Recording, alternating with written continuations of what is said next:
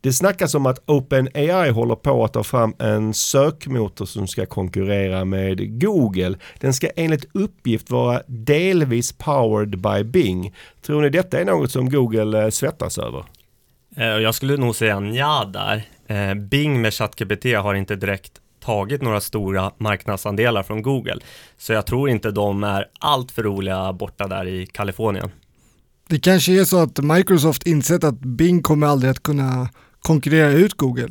Och då ger de nu OpenAI uppdraget att försöka fixa en Google-utmanare på riktigt. Mm, kul om det kommer en eh, ny sökmotor. Minst lika roligt är det att vi nu kickar igång ett nytt avsnitt av Sökpodden.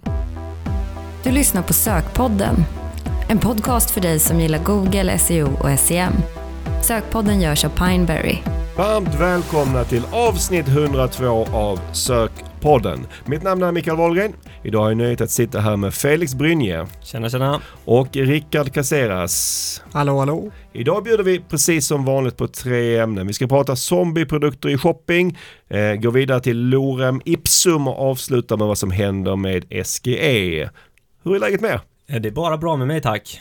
Bara bra, tackar som frågar. Mm. Rickard, eh, eller Ricky då som du kallas. Det är första gången du är med här i Sökpodden. Eh, berätta lite om dig själv och varför du börjar med SEO och eh, digital marknadsföring. Ja, det är en klassisk svår, svår fråga, men jag är ju faktiskt förberedd på den. Jag är en 29-årig SEO-are med argentinskt påbrå, där jag även spenderat en tredjedel av mitt liv.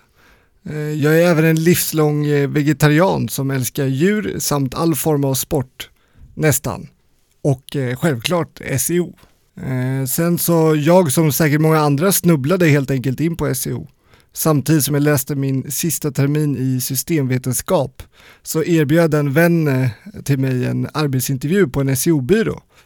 Och där fick jag även mitt första jobb i branschen och träffade min dåvarande chef vars brinnande SEO-passion smittade av sig på mig. Jag vet även att han är en trogen lyssnare av denna podd, så eh, shoutout till eh, Linus och Patrik. Muchas gracias amigos. Mm. Kul att du är med i Sökpodden Ricky. Nu är det dags för dagens första ämne. Idag ska vi börja att prata om eh, zombies och närmare bestämt zombieprodukter inom Google Shopping. Zombie är ett bra namn. Verkligen, när Felix förslog ämnet så kändes det eh, givet, eh, inte minst på grund av namnet då. Nu har vi väl inte avsnittsnamn ännu, men att det blir zombie är ganska låga odds på det, eller? Ja, det skulle nog vara klar favorit på det dags, just nu i alla fall. Eh, Mitt favoritavsnittsnamn i sökpoddens historia är nog annars eh, spökspam som vi hade i avsnitt eh, fyra tror jag det var. Och det är lite på samma tema så det här kanske blir en ny favorit, vi får väl se. Men jag antar att zombies i detta sammanhang är någonting negativt eller? Eh, ja, men så kan det vara. Zombieprodukter när det gäller Google Shopping syftar på produkter eller SKUs i din feed som mer eller mindre sover och inte får visningar eller klick. Och vad är det då som gör att man får zombies i sina feeder? Ja, men eh, shopping är ju en, egentligen en väldigt effektiv del eh, av Google Ads för många annonsörer. Anledningen till detta är såklart att shopping är så knutet kring performance. Eh, Googles algoritmer testar produkterna i din feed och beslutar sig vilka av dem som är enklast att sälja för önskat resultat.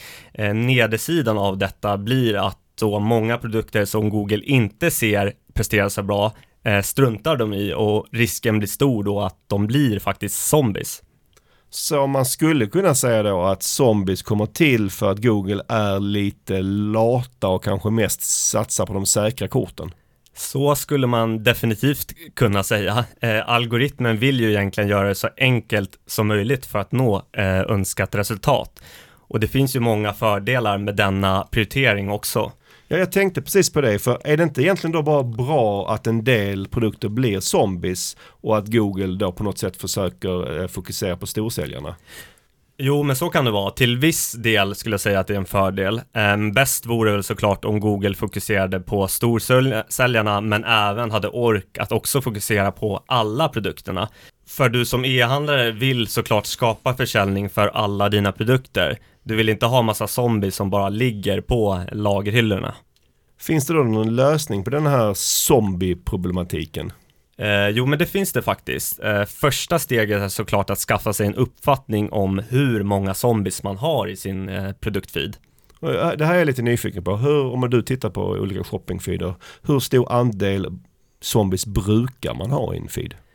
Och där skulle man kunna säga, ställa frågan, hur långt är ett snöre eller vad är en faktiskt en, en bra CTR?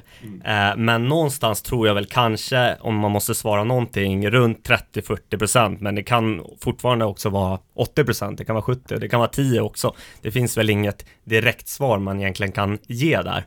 Men det som är intressant är att det kan vara en betydande del av feeden som är zombies. Det kan det absolut vara och det nog snarare, blir nog snarare en chock om eh, det inte finns några zombies i, i feeden. Men finns det någon officiell definition på när en produkt blir en zombie? Både ja och nej, men eh, någonstans eh, brukar väl s- mätas i visningar eller klick. Och man kan ju själv sätta nivån. Man kanske har SKUer som fått mindre än 10 impressions per månad. Då blir det en zombie för dig. Eller så kan det vara produkter helt utan klick under en viss period, till exempel senaste 30 dagarna. Okej, om eh, då jag har undersökt hur många zombies jag har i min feed, vad, vad gör jag sen? Vad gör jag med den informationen? Ja men precis, ja men då handlar det egentligen om att uppdatera feeden med en custom label som berättar vilka produkter som är zombies. Eh, och det kan man göra på lite olika sätt, till exempel via ett tilläggsflöde eller om du kan göra det automatiskt så att det uppdateras från ditt affärssystem eller CMS eh, där feeden skapas helt enkelt. Bäst är såklart om du har en dynamisk lösning, för tanken är ju att du ska försöka väcka liv i dina zombies så produkterna sen kan flytta fram och tillbaka från att vara zombies. Det låter lite spännande där att väcka liv i en zombie. Hur eh, lyckas man med det? Eh, det är väl det här egentligen som är mest spännande, eh, precis som du säger. För det finns lite olika taktiska alternativ här. Eh, det mest självklara är väl att sänka ROAS-kravet för dina zombieprodukter. Google visar inte dem för att de inte når samma ROAS som resten, men för dig är det kanske bättre att sälja dem till en sämre ROAS än att inte sälja eh, dem alls. Eh, men sen kan det vara att dina zombies är riktigt svårväckta och då räcker det kanske inte bara med att justera ROASen. Hur gör man då om man har zombies som är extremt eh, morgontrötta och vägrar att vakna? Ja, men då, då skulle man ju kunna testa att byta till exempel eh, busstrategi och till exempel köra maximera klick. Eh, för då kommer ju du mer eller mindre tvinga Google att ge dessa produkter en andra chans. Eh, för det är ju egentligen det man vill med just den här zombie-strategin, att pusha Google till att testa att visa dina zombies igen. Eh, sen är det såklart en högre risk att eh, köra maximera klick jämfört med en eh, lägre ROAS i en annan busstrategi. För där har man ju mindre kontroll över resultatet. Så kör du maximera klick så är det mer att se som att du chockstartar dem, skulle man kunna säga. Hur tänker du kring budget och eh, dina zombies? Och där skulle jag säga att det beror på vilken taktik du använder för att väcka dem. Men eventuellt behöver du ge dem en helt annan eh, budget än dina andra produkter. Och det är nog klokt att inte vara lika hård i utvärderingen av denna budget i början. För återigen, tanken är att väcka liv i dina zombies och få fler produkter som ger dig bra resultat. Och eh, det kommer kanske kosta en slant, eh, framförallt i början. Mm. Tack för det eh, Felix. Eh, där tänkte jag att vi sätter punkt för våra zombies idag och går vidare till dagens andra ämne. När jag träffar på lite yngre personer i vår kära bransch då kommer det ganska ofta upp att de vill höra om hur det var förr. Lite rövarhistorier då eller? Ja, lite så. Och idag ska vi ta avstamp i en SO-historia från 2018 och det är väl kanske ingen rövarhistoria direkt utan snarare en intressant historia där vi också kommer att försöka prata om den från eh, dagens perspektiv och eh, Ricky jag vet att det, ja, det, det är du av oss som kan den här historien bäst så berätta vad det var som hände där 2018. Jo, det var ju min gamla chef Patrik som uppmärksammade mig på den här historien från början. Men eh, jo, det var en eh, tävling i en Facebookgrupp eh, som heter SEO Signals Lab som finns fortfarande Jag rekommenderar att gå med i den. Och där hade man 30 dagar på sig att ranka på sökordet Rhinoplasty Plano. Det är ett så kallat lokalt sökord där rhinoplasty är ett skönhetsingrepp och Plano är en stad i Texas. Och eh, det var totalt 27 SEO-are som ställde upp i tävlingen. Ja det är ju värt att notera här att det är faktiskt ett riktigt sökord som de tävlar om då. Även om det kanske inte var världens svåraste. För annars alltså, den här typen av tävlingar brukar det vara helt eh, påhittade sökord. Eh, hur eh, gick tävlingen? Jo, inom de 30 dagarna så hände inget speciellt egentligen. Eh, om jag minns rätt så eh, rankade personen som vann tävlingen någonstans utanför topp 40 och de flesta rankade väl på ganska dåliga positioner. Men eh, efter ett par veckor så gick SEO-aren Kyle Roofs eh, hemsida upp på första plats till och med. Eh, och det var ju såklart en vinst i sig självt Eh, givet att det var ett konkurrensutsatt sökord med direkt köpintention. Men det som var lite spicy i det här fallet var att eh, han hade gjort det med lorem ipsum och eh, den, endast med den texten så lyckades han alltså ranka etta. Var det 100% lorem ipsum på den här sidan som rankar detta? Nej, det var det inte. Eh, han hade tagit en lorem ipsum text på cirka 1200 ord och sen hade han matematiskt ersatt vissa ord i texten med sökordet och synonymer. Detta så att han fick med vad han ansåg vara rätt frekvens av sökordet. Lite som eh, Surfer SEO-programmet funkar idag. Lite sjukt att det gick att ranka med lorem ipsum text, men man kan ju undra vad de riktiga sajterna i den serpen egentligen tyckte om det. De var garanterat inte nöjda. Samtidigt är jag inte så jätteförvånade över att det funkat för att det finns ju andra liknande exempel genom historien. Eh, jag tänker till exempel på när man Google-bombade George W. Bush att han rankade på miserable failure. Det var ju inte alls exakt samma sak för den rankade ju helt utan innehåll som överhuvudtaget nämnde sökordet, men det finns ju flera exempel på när man har lyckats få saker att ranka på lite konstiga sätt. Man får ju såklart inte glömma att det är en algoritm som rankar sajter och eh, den använder sig av samma matematik för att räkna ut vilka resultat som visas. Det betyder, betyder ju att det går att lura algoritmen om man bara gör matten rätt. Hur gick det sen för Kyles sajt? Jo, eh, den fortsätter faktiskt att ranka etta i flera månader därefter. Tills dess att Search Engine Journal snappade upp historien och skrev en artikel om det. Och dagen efter att den artikeln publicerades så fick sajten ett manuellt straff för spam. Ja, det där är ju ganska skojigt, eh, men kanske ändå ett eh, ganska rimligt straff. Eh, men ingen slump att det hände just dagen efter. Nej, det är ju ännu ett exempel på att man inte ska mucka med Google publikt. Det var ju en, en annan historia ganska nyligen när Jake Ward genomförde det kanske numera nästan mytomspunna SEO-rånet där han också fick ett manuellt straff när det fick stor uppståndelse i medierna. Kyles eh, lorem ipsum-test är ju det är en bra historia tycker jag. Och det är också intressant att fråga sig, skulle det fungera idag?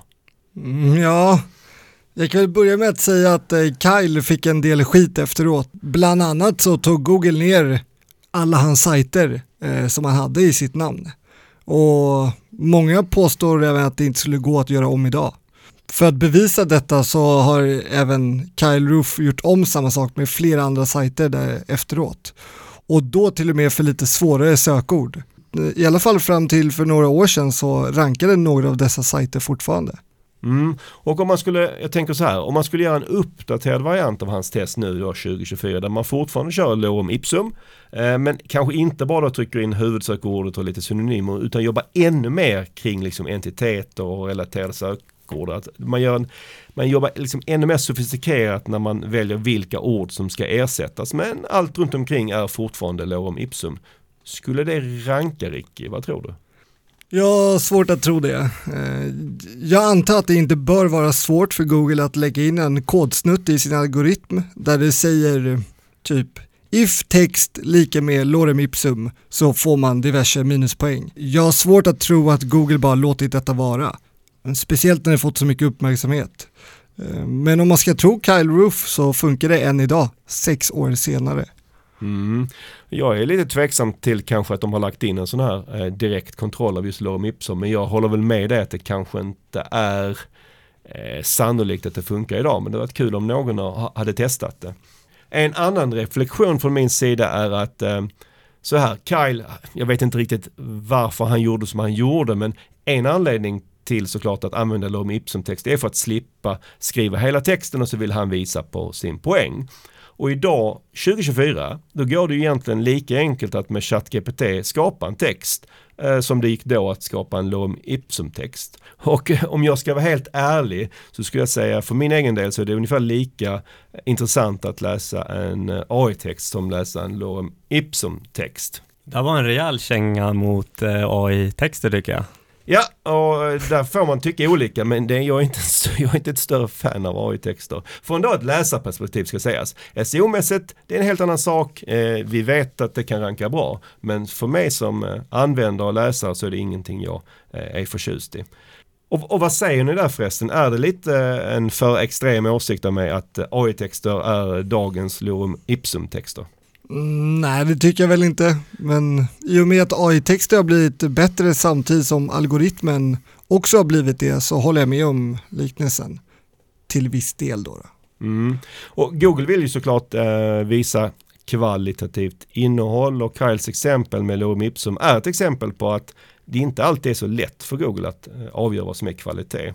Och det faktum att eh, AI-texter rankar bra idag är ju ett annat exempel, i alla fall enligt mig, att det kan vara svårt att visa på och välja ut vad som är kvalitet. Och Google har själva sagt när det gäller AI-texter att de inte egentligen gillar det om det inte har varit någon form av mänsklig inblandning i det. Eh, men ändå så rankar det. Eh, och finns det något sätt tror ni för Google att lösa den här kvalitetsproblematiken när det gäller innehåll? Alltså det är svårt såklart, för det är svårt att matematiskt räkna ut vad som är kvalitet.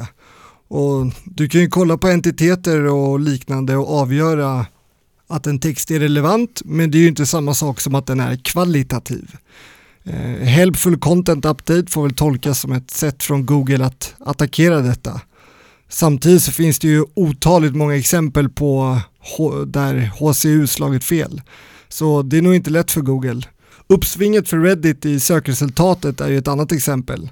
Som jag ser det är att Google vill premiera en annan typ av, kalla det kvalitativt eller hjälpsamt innehåll. Mm. Jag skrev eh, nyligen en artikel om just Reddit på vår blogg om att de har nått, eventuellt då nått sin peak. Vad tror ni om det? Kommer Reddit fortsätta att växa i synlighet eller har de, eh, har de nått sin topp?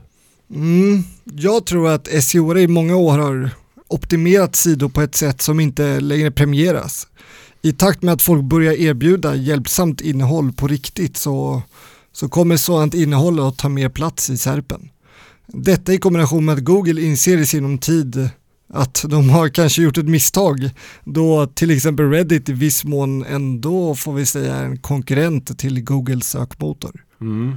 En annan sak som jag tycker är väldigt intressant kring att Reddit syns så himla bra i Serpan just nu är att jag har alltid när jag fått frågan om eh, hur kan jag säkerställa att jag skriver kvalitativt innehåll så har jag tagit upp en sak att det är att det är svårt för Google att avgöra vad som är bra innehåll och vad som är lite sämre innehåll. Men ett sätt som är ganska enkelt för Google att bedöma en text det är att titta på hur den är språkligt. Så då har jag sagt, ja men se till att texten jag skriver är språkligt bra. Alltså att man, man undviker, undviker stavfel, använder punkt på rätt sätt och så vidare.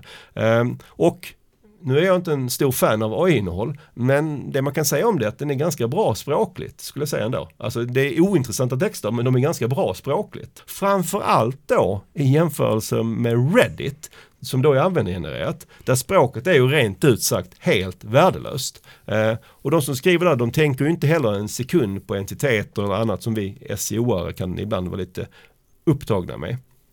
Så det får man ju tänka liksom att att när det gäller Reddit så bedömer Google kanske kvaliteten på ett helt annat sätt. Ja, du och jag pratade ju ett tag om det här häromdagen och mm. det var en ganska livlig diskussion. Eh, jag tror inte eh, Googles algoritm är någon lingvist på det sättet. Men jag är övertygad om att den mat matematiska delen som till exempel Kyle Roof använt sig av, den kommer att få, ha en fortsatt stor roll i SEO. Eh, alltså att nämna huvudsökordet på rätt platser, att nämna sekundära sökord, entiteter, synonymer, branschspecifika ord, vissa kallar det LSI vissa saker kommer man fortsatt att liksom, det kommer krävas för att kunna ranka överhuvudtaget. Men utöver det så misstänker jag starkt att användarsignaler kommer att spela in som rankingfaktor, om det inte redan har gjort det hela tiden. Eh, det är i mitt tycke både billigare och träffsäkrare för Google att premiera bra hemsidor och URLer med användarsignaler som rankingfaktor. Mm. Vi får se helt enkelt. Och tack för det Ricky och vi, med det så avslutar vi vårt snack om lorem ipsum och vad som eventuellt då är kvalitativt innehåll och går vidare till dagens sista ämne.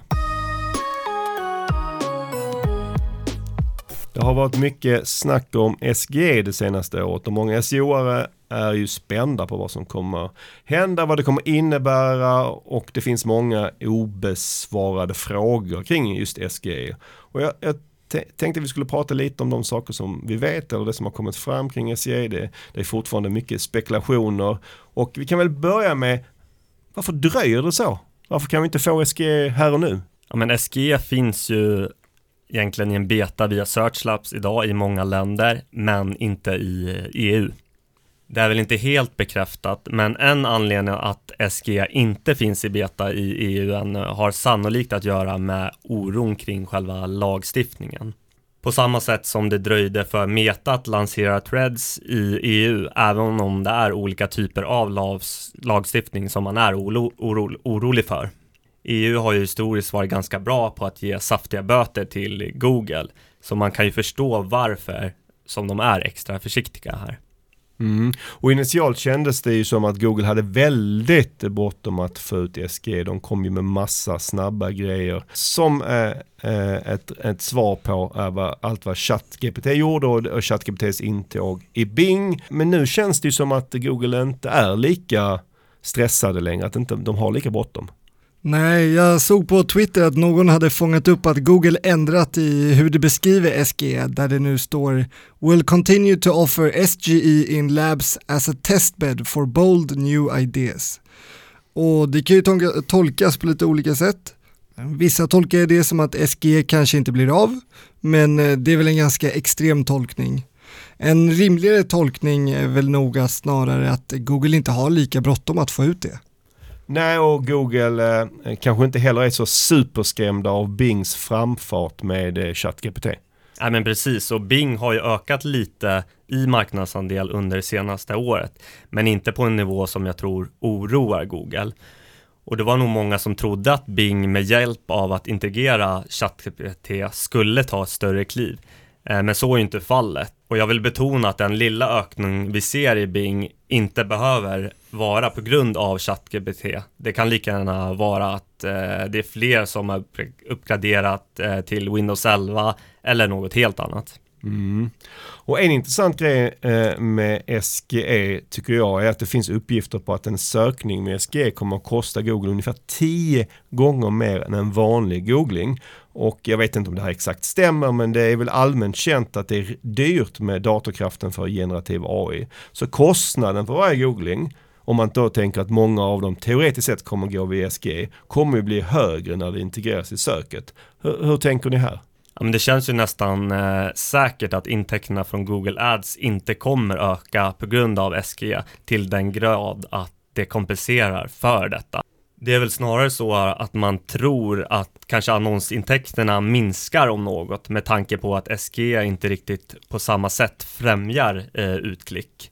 Eh, så detta är garanterat en utmaning som Google sitter med och det är säkert så att Google även tar hänsyn till detta när det avgör när SGE ska visas i söket. Eh, för att visa SGE för mycket på superkommersiella googlingar är garanterat inte bra för deras affär. Mm. Och eh, på tal om det, det har gjorts en del tester av SG i USA i den beta då som finns där via, via Search Labs. Bland annat har sajten Authoritas testat runt 100, 100 eh, var det inte utan det var 1000 sökord. Vad eh, visade deras undersökning? Jo, vår eh, kära kollega Björn eh, summerade just den undersökningen så här eh, internt på Pineberry. 87% av sökorden som undersöktes triggade då ett SGE-svar. Det är en ganska hög siffra, eller hur? Ja, det skulle jag säga. Nästan kanske lite oroande. Mm. Men i 66% av fallen där det visas SGE-resultat så behöver användaren klicka en generate button att eh, AI-svaret ska då genereras. Och i övriga 34% av fallen visar svaret bara lite grann. Men man behöver klicka på läs mer för att eh, fälla ut det. Och ungefär 10 länkar visas per AI-snapshot och källorna kommer från fyra domäner i genomsnitt. Och det är väl någonting som SEO generellt har varit lite oroade för att kommer det vara, vara länkar överhuvudtaget och nu är det ju länkar i alla fall. Ja det är ju någonting. Mm. Eh, I alla fall får man säga. Det är kanske mest spännande då att 93,8% av URLerna i AI-svaren finns inte med på första sidan i den vanliga organiska serpen. Det är ju väldigt speciellt att på något sätt så skulle man kunna tänka sig att det borde finnas någon korrelation här emellan att det man vill visa i SG är ungefär de bästa resultaten också men så verkar det inte vara.